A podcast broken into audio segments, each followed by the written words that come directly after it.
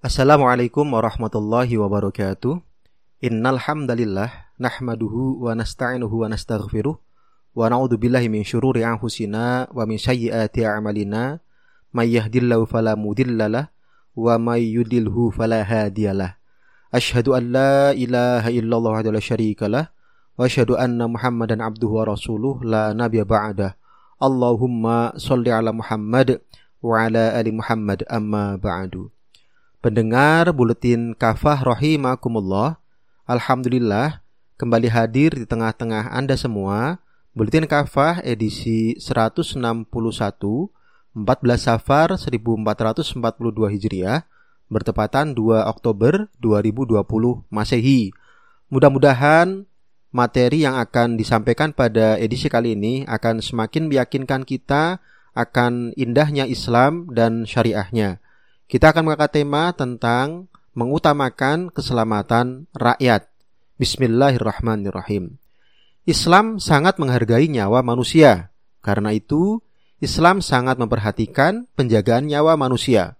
Allah Subhanahu wa taala berfirman, A'udzu billahi minasyaitonir Bismillahirrahmanirrahim. Man qatala nafsan bighairi nafsin aw fasadin fil ardi faka'annama qatalan nasa jami'a wa man ahyaha faka'annama ahyan nasa jami'a. Siapa saja yang membunuh seorang manusia bukan karena orang itu membunuh orang lain atau bukan karena membuat kerusakan di muka bumi, seakan-akan dia telah membunuh manusia seluruhnya.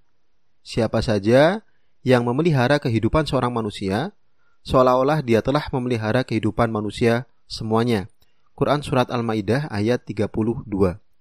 Nabi wasallam pun pernah bersabda, "La zawalud dunya ahwanu 'indallahi min qatli rajulin muslim." Sungguh dunia ini hancur lebih ringan di sisi Allah daripada seorang muslim yang terbunuh. Hadis riwayat An-Nasa'i, At-Tirmizi dan Al-Baihaqi. Para ulama menempatkan upaya memelihara nyawa, hifdun nafsi, sebagai salah satu tujuan syariah Syariah mewujudkan hiftun nafsi melalui berbagai hukum, semisal hukuman kisos atau diat dalam pembunuhan, diat dalam serangan terhadap organ dan sebagainya.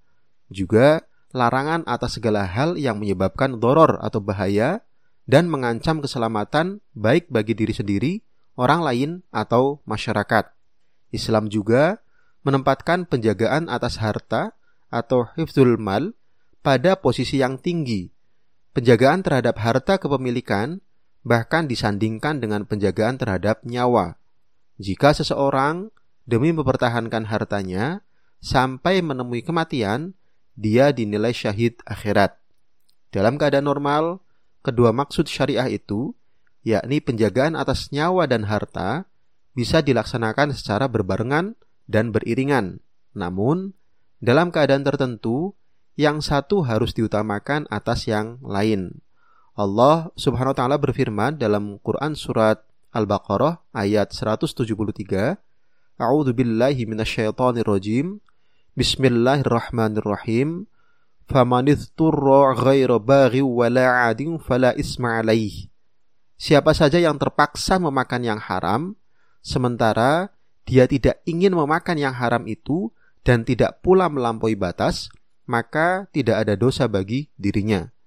Imam At-Tabari di dalam kitab tafsirnya Jami' al-Bayan menjelaskan, siapa saja yang tertimpa darurat kelaparan hingga terpaksa memakan apa yang diharamkan itu, maka tidak ada dosa bagi dirinya.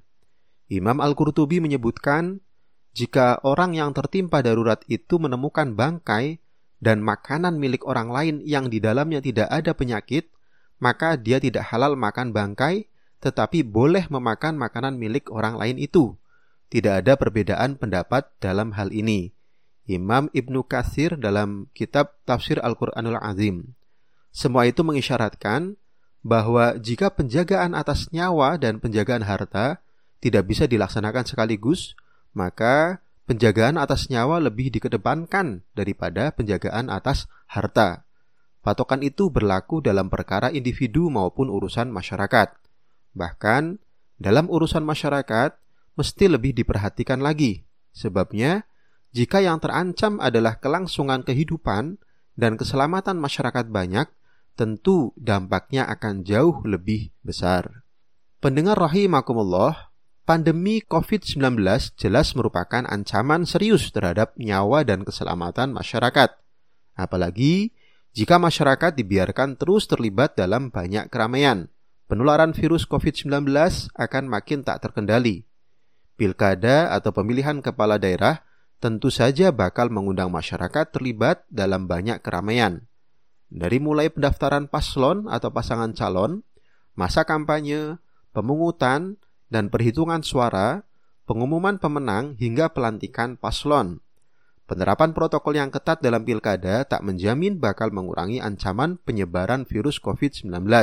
Apalagi Protokol tersebut sudah terbukti banyak dilanggar pada saat pendaftaran paslon atau pasangan calon. Karena itu, pilkada di tengah pandemi jelas bakal makin mengancam kesehatan, keselamatan, dan kelangsungan kehidupan masyarakat. Anehnya, Komisi 2 DPR bersama Menteri Dalam Negeri Tito Karnavian, KPU, Bawaslu, dan DKPP sepakat bahwa tidak ada penundaan pilkada serentak 2020. Pilkada tetap akan dilaksanakan pada 9 Desember 2020 mendatang, dikutip dari Detik News tanggal 21 September. Dengan dalih demi menjaga hak konstitusi rakyat, pilkada serentak akan tetap dilakukan di 270 daerah.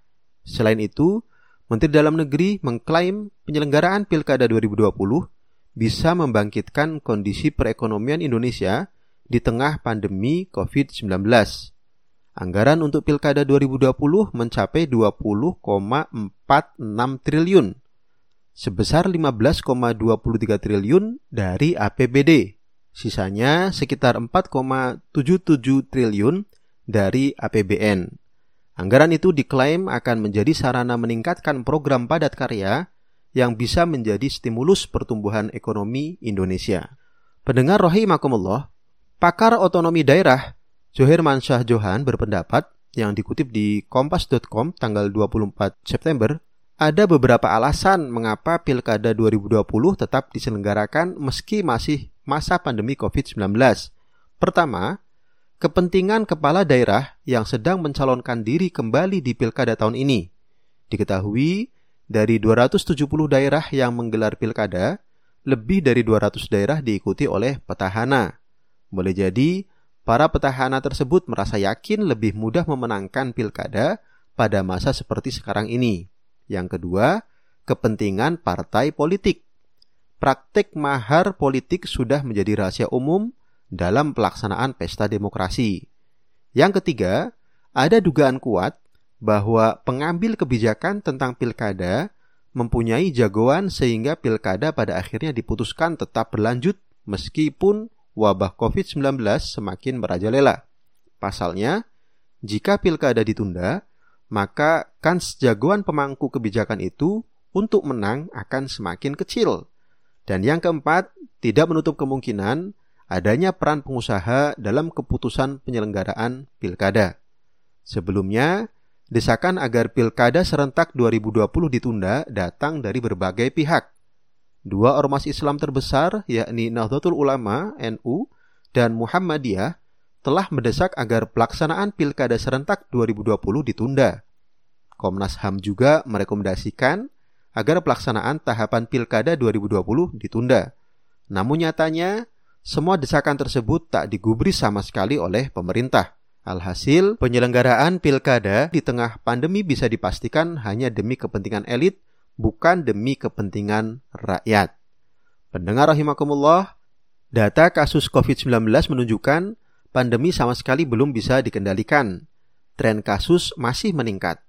Berdasarkan data Satgas COVID-19, jumlah terkonfirmasi positif COVID-19 sejak 10 September rata-rata di atas 3.500 kasus baru per hari. Puncaknya pada 25 September sebanyak 4.823 kasus baru, lalu turun hingga pada 28 September pada 3.509 kasus baru.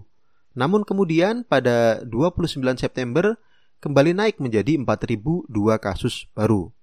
Menurut epidemiolog Universitas Griffith Australia, Diki Budiman yang dikutip di liputan6.com tanggal 12 September, Pilkada 2020 berpotensi besar menjadi klaster baru COVID-19. Pasalnya, pengendalian pandemi COVID-19 secara nasional belum terkendali. Ini terbukti dari positivity rate yang selalu di atas 10%. Artinya, laju penyebaran sangat tinggi dan masih banyak orang pembawa virus COVID-19 belum terdeteksi karena umumnya tidak bergejala. Para epidemiolog lainnya juga menyarankan pilkada ditunda.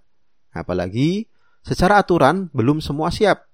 Protokol pencegahan COVID banyak dilanggar. Selama masa pendaftaran calon 4-6 September saja, terjadi ratusan pelanggaran. Umumnya terkait dengan kerumunan massa. Kepatuhan terhadap protokol, termasuk wajib pakai masker dan physical distancing, masih kedodoran. Bahkan, per 10 September, dilaporkan ada 60 calon kepala daerah yang positif COVID-19. Sejumlah penyelenggara pemilu di pusat dan daerah juga positif COVID-19. Dengan kondisi seperti itu, pelaksanaan pilkada serentak pada 9 Desember nanti bukan tidak mungkin akan menjadi klaster baru dan benar-benar menjadi bom penyebaran COVID-19. Tentu semua pihak tidak mengharapkan hal itu terjadi.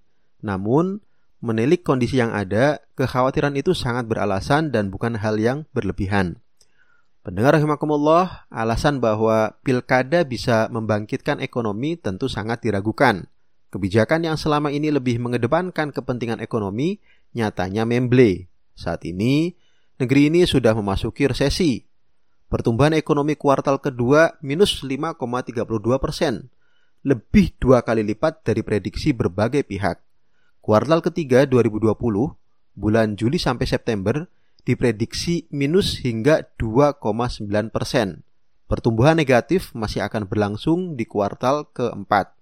Andai pilkada benar bisa menggeliatkan ekonomi, dan ini masih sangat diragukan, maka tetap saja menjadi tak berarti jika dibarengi dengan lonjakan COVID-19. Pasalnya, lonjakan kasus pasti lebih menyulitkan secara ekonomi. Biaya penanganan pandemi pun bakal makin membengkak. Pandemi juga bisa berkepanjangan. Ibaratnya, orang sakit menjadi menahun. Kalaupun ekonomi sedikit bergerak, jika rakyat banyak yang sakit bahkan mati jadi tak berarti. Jelas, Pilkada serentak yang tetap dilaksanakan mengisyaratkan bahwa kepentingan keselamatan dan kesehatan masyarakat tidak menjadi prioritas pemerintah. Yang lebih dikedepankan adalah kepentingan politik, kelompok, kekuasaan, dan ekonomi. Ini adalah kebijakan khas kapitalis. Sebaliknya, panduan Islam tidak diperhatikan sama sekali. Padahal jelas, solusinya hanyalah dengan kembali pada petunjuk Allah Subhanahu wa taala yakni dengan menerapkan syariah Islam secara kafah. Wallahu alam biswab. Demikian materi buletin kafah edisi 161 tentang mengutamakan keselamatan rakyat. Mudah-mudahan Allah senantiasa melindungi kita semua dan melimpahkan hidayah kepada kita semua untuk terus taat dan patuh kepadanya. Terima kasih. Wassalamualaikum warahmatullahi wabarakatuh.